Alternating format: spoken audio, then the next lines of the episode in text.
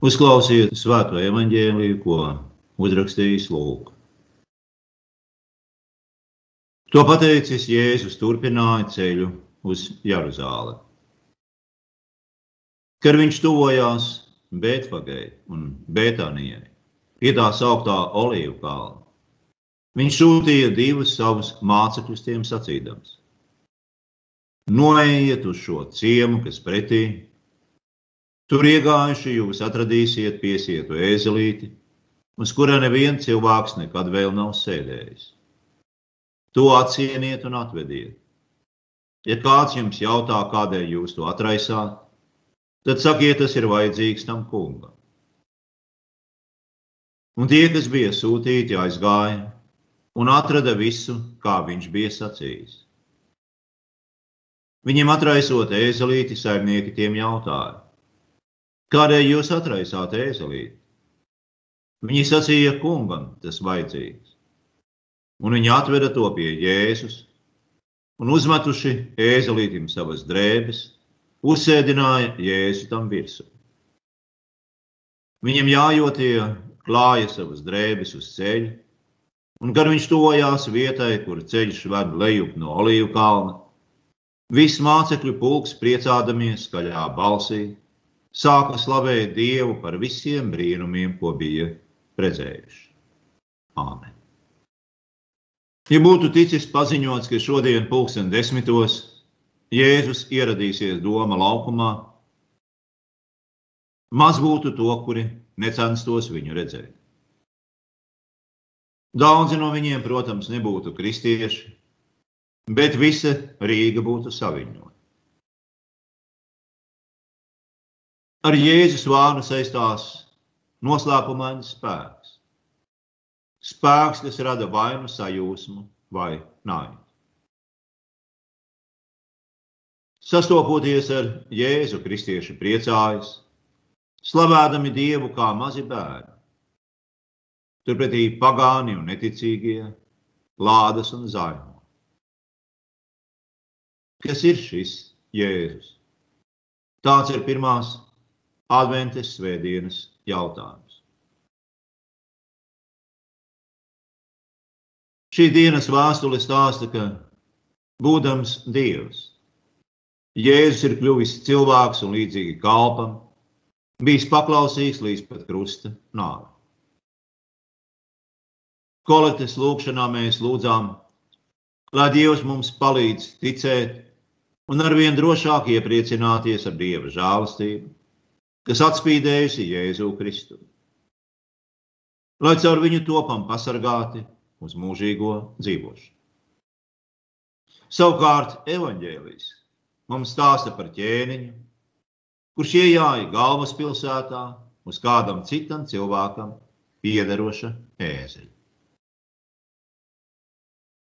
Pēc evaņģēlista Mateja sacītā, viņam ienākot Jeruzalemē, Visa pilsēta sakustējās. Kas viņš tāds? Bet ļaudis pūlī atbildēja, viņš ir pravietis Jēzus, tas no Nāceretes Galilejā. Daudzi šajā ļaužu pūlī paši bija no Galilejas. Jēzus bija no viņu puses, viņu novadnieks, un viņi bija lepni un sajūsmināti, ka viens no viņiem bija kļuvis tik slavens Jeruzālē. Jēzus viņiem pašiem bija darījis tik daudz laba, bet kāda drūma parizēja izaicināts, pūlis neuzdrīkstējās viņu saukt ne par ko vairāk, kā tikai par pravietu. Jēzus patiešām bija pravietis, bet ja viņš būtu bijis tikai pravietis. Tad viņš būtu bijis viens no pašiem dumjākajiem praviešiem, jo šāda viņa iejāšana Jeruzalemē līdzinājās pašnāvībai. Vai nu viņš bija pavisam nožēlojams pravietis, vai arī kaut kas nesalīdzināmi lielāks, vairāk par pravietu. Evanģēlija atbild, Jēzus ir ķēniņš, ķēniņš, kam pieder viss un kurš valda pār visu. Vai tajā dienā nesen no nāvis uzmodinātais Lācers bija kopā ar mācekļiem? Vai šajā pašā dienā redzi iemantojušais aplais Bartimējs kopā ar mācekļiem sajūsmā raudzījās uz templi un slavēja Dievu par visiem brīnumiem, ko bija redzējis? Tā varētu būt, ja mācekļu tajā brīdī bija daudz. Un visi viņi bija vai nu paši piedzīvojuši, vai savām acīm redzējuši Jēzus brīnumdarbus. Un tā šis ķēniņš, kuram ir var arī pār dzīvību un nāvi, sūta divus no saviem mācekļiem atvest ēzeļa kumeļu un kumeļa māti, jo uz kumeļa vēl neviens nebija jāies. Mācekļiem tika likts vienkārši iet un atvest dzīvniekus. Un tā būtu laupīšana gaišā dienas laikā. Ja to nebūtu licis darīt Dievs, kam pieder visas lietas. Jo redziet, Dievam nav iespējams zakt. To var tikai cilvēki. Cilvēki, kuriem parasti ir dīvainas un muļķīgas domas par to, kas ir viņu īpašums. Cilvēki mēdz runāt par vienu vai otru lietu, sakot, tā pieder man. Nemaz nedomājot par to, ka tas ir muļķīgs veids, kā runāt par kaut ko. Par kaut ko, ko viņi var lietot tikai dažus gadus. Ja nāk nāve, kas pavēstīs, ka tiem nepieder vairs nekas, un īstenībā jau nekad tā īsti arī nav piederējis. Bet pavisam citādi tas ir Jēzus gadījumā. Viņam pieder viss. Un tādēļ, ja mācekļiem tiktu jautāts, Kādēļ tie atraisa ēzeļus? Tiem vienkārši bija jāatbild, tas ir vajadzīgs tam kungam. Un tas ir viss. Ja nav iespējams strīdēties ar tādu kungu, kurš prasa lietošanai ēzeli, kuru viņš pats ir radījis. Īpašnieks nav muļķis, viņš to labi zina. Un neskatoties uz to, ka viņam tagad nāksies vairāk strādāt un vairāk pūlēties, viņš bez ierunām ēzeļu sadod. Evanģēlija mums stāsta par Jēzu, kā par visu ķēniņu ķēniņu, kurš zina visas lietas un kam arī pieder visas lietas. Viņš vienkārši pasakīja mācekļiem, kur tie varēs atrast ēzeļmāti un kumeļu, un tur tie abi arī bija. Nav šaubu, ka šī šķietami triviālā, dievišķās visas zināšanas parādīšana bija ar noteiktu nolūku. Jau pēc dažām dienām Jēzus mācekļi tiks kārdināti domāt par Jēzu tikai kā par pravieti. Piedām tādu pravieti, kurš ir pilnībā izgāzies. Tādēļ ar šo mazo brīnumu Jēzus stiprina viņa ticību.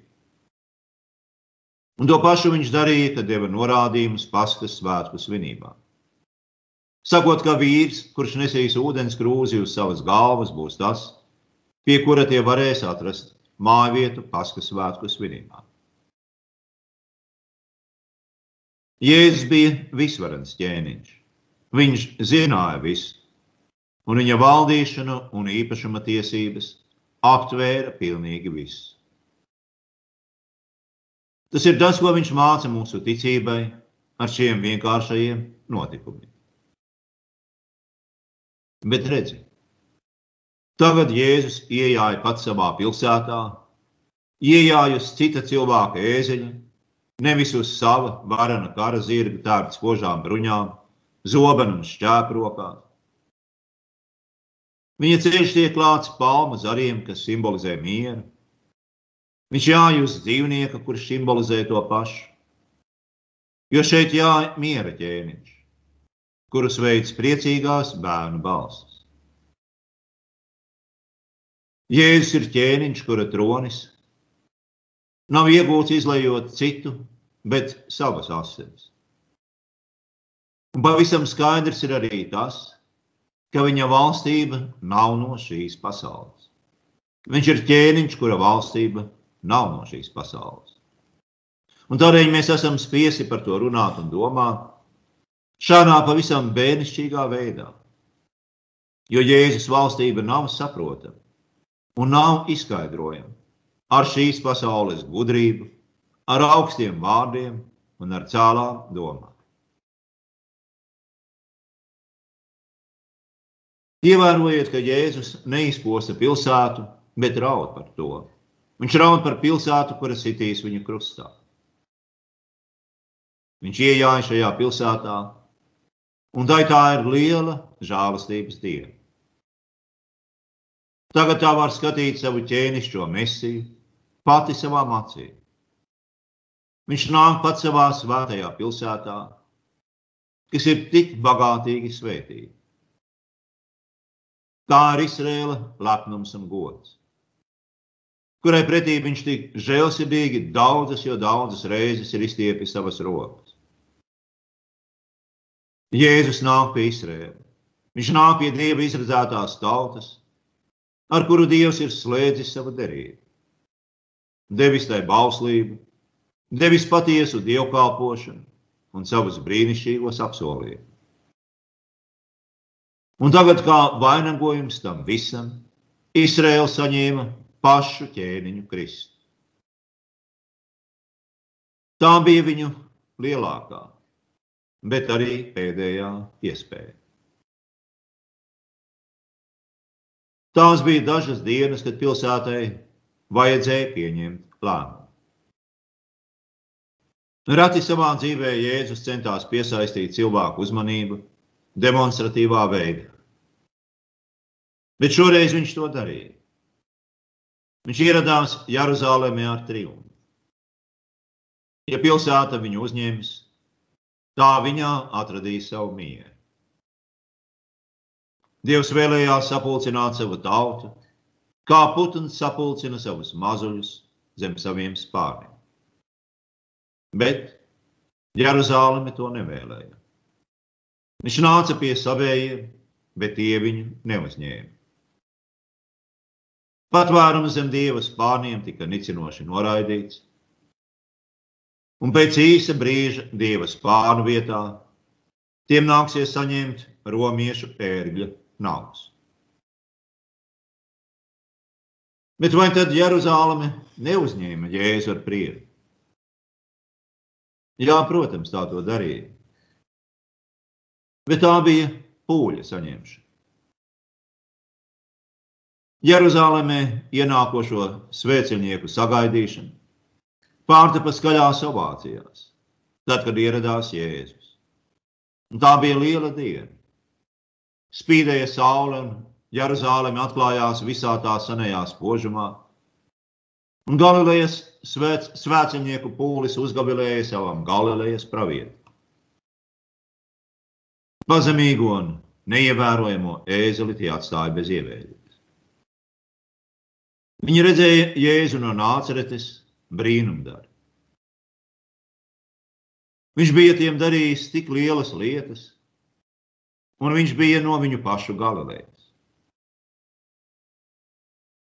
Mēs nevēlamies apšaubīt šo ļaužu sajūsmas patiesumu. Bet pat Jēzus mācekļi īsti nesaprata, ko tas viss nozīmē. Un šīs tākie slavinājumi atskanēja nevis no šīs pasaules gudro un vareno, bet gan no bērnu mutes. Sagaidītāju pūlis bija tikai saviņots, nenosvērtu ļaužu bars. Ļaužu bars, kas svētdien kliedza uz Jānu, bet piekdien jau bļāva sit viņu krustā. Un tā lūk nav Dieva valstība. Kas ir Dieva valstība? Vispirms, negatīvā veidā Dieva valstība nav no šīs pasaules. Tā nav saistīta ar uz kartes novilktām līnijām, un tā nav celta ar zobena palīdzību. Un pozitīvā veidā Kristus valstība ir Kristus ļaudis. Kristus ļaudis, bet ne pūļu ļaudis. Kristus valstība ir jūsos, katrā no jums. Kristus nekad nedarbojas pie mums dučos vai tūkstošos. Tas ir atstāts nekristiešiem vai citiem. Izēviela vai līdzeklis viņu komfortu. Kristus vienmēr darbojas ar atsevišķiem cilvēkiem. Un tikai tam ir kāda vērtība. Viņš nepulcina cilvēkus stadionos. Viņš nāk pie katra atsevišķa. Un citādi mēs esam bēdīgas un bezjēdzīgas radības. Citādi dzīvē nav nekā paliekošana jāpilna, bet tā ir tikai bezjēdzības apvesta šķietamība, bez Kristus. Šodien Kristus tiek pūļa cildināts kā ķēniņš, bet sajūsma un klaigāšana ne tuvu nav tas pats, kas Dieva valstī. Kā ķēniņš, kurš grib valdīt mūsu sirdīs. Kristus atklājas viņa rīcībā ar ēzeļa īpašnieku, ar viņa diviem mācekļiem, kuri devās šādā neparastā uzdevumā. Jēzus ķēnišķums nebija atrodams galilējošu prieku saucienā, apsveicot novadnieku, kurš bija kļuvis par slavenu publisku personu Jeruzalē. Bet Dieva valstība atklājās pavisam citur. Tā atklājās Jēzus skatienā, kad viņš pievērsās Pēterim, kurš tikko bija viņu aizliedzis Tāds skanēja tā kunga balsī, kad viņš sacīja Marija, raudošajai Magdalēnai pie viņa kapa. Tāds klājās mūsu kunga trīskāršajā jautājumā Pēterim. Sīmeni, Jonas dēls, vai tu mīli mani? Tagad mūsdienās Jēzus neierodas kā ķēniņš pilsētās. Viņš nāk tavā sirdī. Viņš nāk ar vārdu, noslēpumiem, vakarēdienu, absolūciju, kristību. Viņš nāk katrā atsevišķā sirdī, nevis visās kopā un uzreiz. Viņš zina visu par tevi. Viņš zina tavu pagātni, viņš zina tavu raksturu, un viņš pazīst tavas problēmas. Viņš pazīst tevi daudz labāk nekā tu pazīsti pats sevi. Jo kurš gan zina, cik matu ir uz viņa galvas, bet Kristus zina, cik matu ir uz tavas galvas. Un tā ir tava sirds, kur Jēzus vēlas ienākt. Tu vari aizvērt savas sirds vārtus viņam, un viņš nespiedīs tevi vārtus atvērt. Tā vietā viņš raudās par tavas sirds pilsētu. Jo cik bieži viņš arī tev gribēja dot patvērumu zem saviem spārniem, piekļaut un pasargāt, bet tu negribēji. Tu biji pārāk aizņemts ar savu darbu, māju, dārzu, televīziju, dažādām dzīves problēmām un likstām. Tu biji pārāk noguris, lai ļautu sevi traucēt. Un kā viņš vēlējās runāt ar tevi? Ar savu neatsaucību to aizvēri viņa muti. Tu ļāvi putekļiem klāties uz savas bībeles. Dievkalpojuma apmeklēšana tev šķita par grūtu. Un pat tad, kad tu biji gatavs runāt ar viņu, tu pie viņiem meklēji nepareizas lietas. Līdzīgi Jeruzalemes pūlim, tu domāji, ka viņš ir šī zemes ķēniņš kāds, kurš valda ar varu, kāds, ar kuru ir labi būt pazīstamam. Ja tu sagaidi, ka Jēzus būs šāds maizes ķēniņš, tad tev pavisam noteikti nāksies vilties. Viņa valstība nav no šīs pasaules.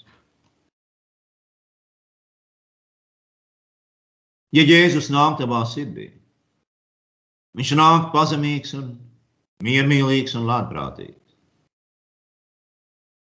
Viņš ir ķēniņš, kurš iedibinās savas mīlestības un pazemības likumu tavā sirdī. Un tas nozīmē vienlaicīgi arī visu šīs pasaules valstību, lepnības un godības noraidību. Noraidījumu nevis kaut kur vispār un abstrakti, bet tavā sirdī. Arī priekš tevis, Jēzus, nepārvērtīs akmeņus maizē. Un ja viņš valdīs tavā sirdī, tad viņš valdīs tur viens. Tikai viens. Viņa valdīšana ir augstāka par jebkādām šīs pasaules prasībām. Pat tām, kas atskan no tava tēva, mātes, brāļa, māsas vai laulātā drauga mutes. Tu esi viņa valstībā, jo esi devis viņam uzticības zvērstu. Zvērstu, kas saista tevi arī tad, ja viņš prasa kaut ko neparastu. Tu nesi viņa valstības pavalsnieka zīme, un šī zīme ir krusts. Viņš saka, ja kāds nāk pie manis, Tas, lai aizliedz pat sevi un ikdienas ņem savu krustu un sako man. Ik viens, kurš pazaudē savu dzīvību manis dēļ, tās to iegūs. Uzticībā Jēzum nav un nevar būt nekādu atrunu. Viņš vēlas, lai viņa mīlestība valdītu tavas sirds namā, ikvienā tavas sirds alejā un gatvē. Ikvienam no jums adventas ķēniņš saka, nāciet pie manis visi, kas esat nopūlējušies un zem smagas nastas, un es jūs atvieglināšu. Uzņemieties manu jūgu un mācieties no manis, jo es esmu lēnprātīgs un sirdī pazemīgs. Tad jūs atradīsiet atvieglojumu savām dvēselēm, jo mans jūgs ir tīkams un mana nasta viegla. Šie vārdi ir ārkārtīgi svarīgi. Svarīgi tādēļ, ka mēs esam radīti tieši šim jūgam. Ja bez tā mēs esam kā auto bez baterijas, bez tā mūs vienkārši nevar iedarbināt. Bez tā mēs nedarbojam. Zem šā jūga, Kristus valstībā, mēs pirmoreiz kļūstam paši par sevi.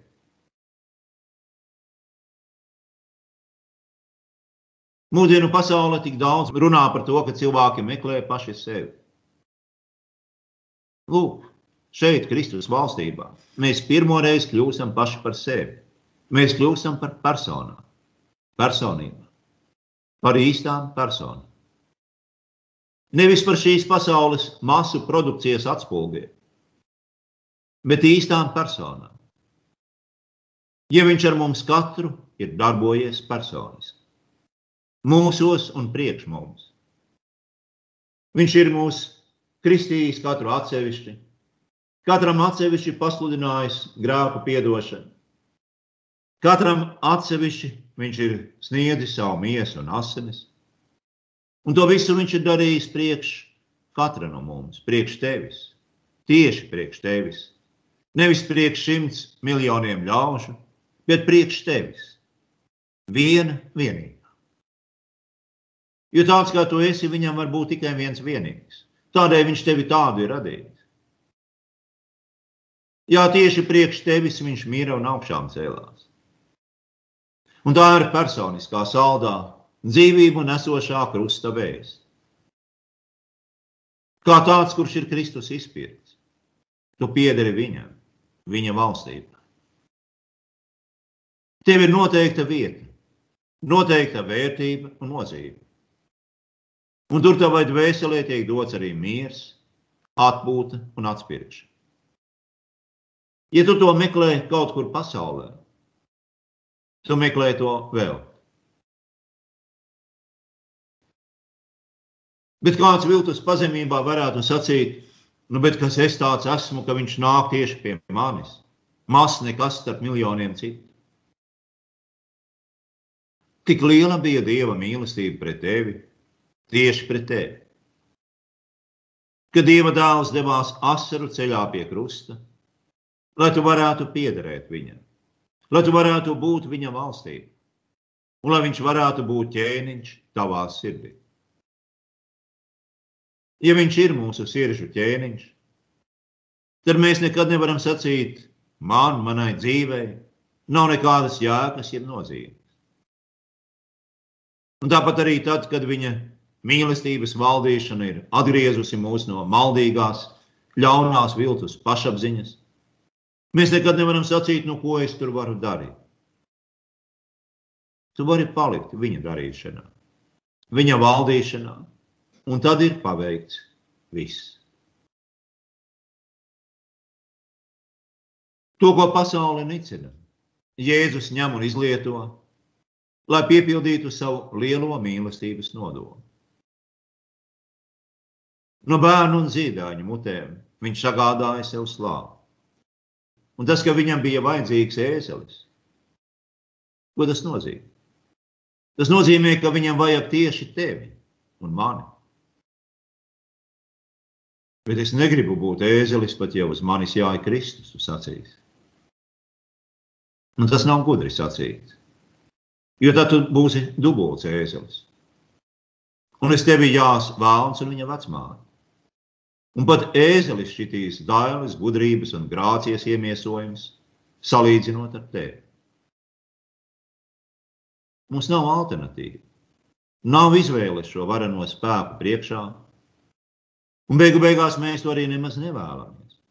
Bet mēs priecājamies kopā ar maziem bērniem ar neizsakāmu prieku par to, ka Kristus ir sūtījis savus mācekļus, lai viņi mūs kā ēzeļus atved pie viņa. Un tagad mēs varam piederēt viņam, savam mīļajam kungam, Jēzum Kristum, kurš no ēzeļiem dara mūs par sev līdzīgiem, par tādiem, kurus pat eņģeļi apskauž.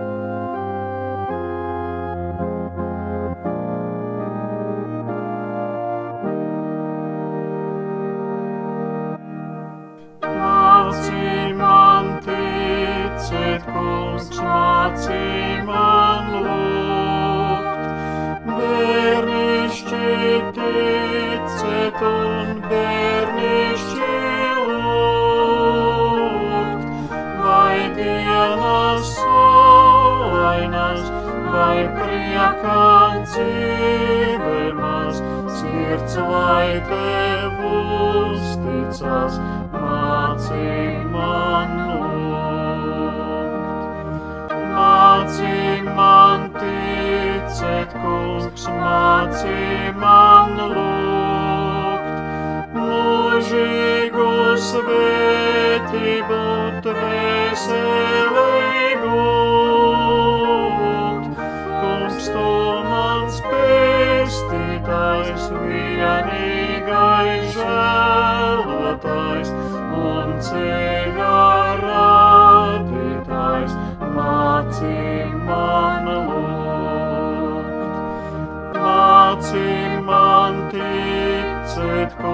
mācī man lūgt, dzīvot kā vēlies, tu mācī man lūgt, dod gaismu tumsībā, bet ceļā pareizā sniedz roku palīgām.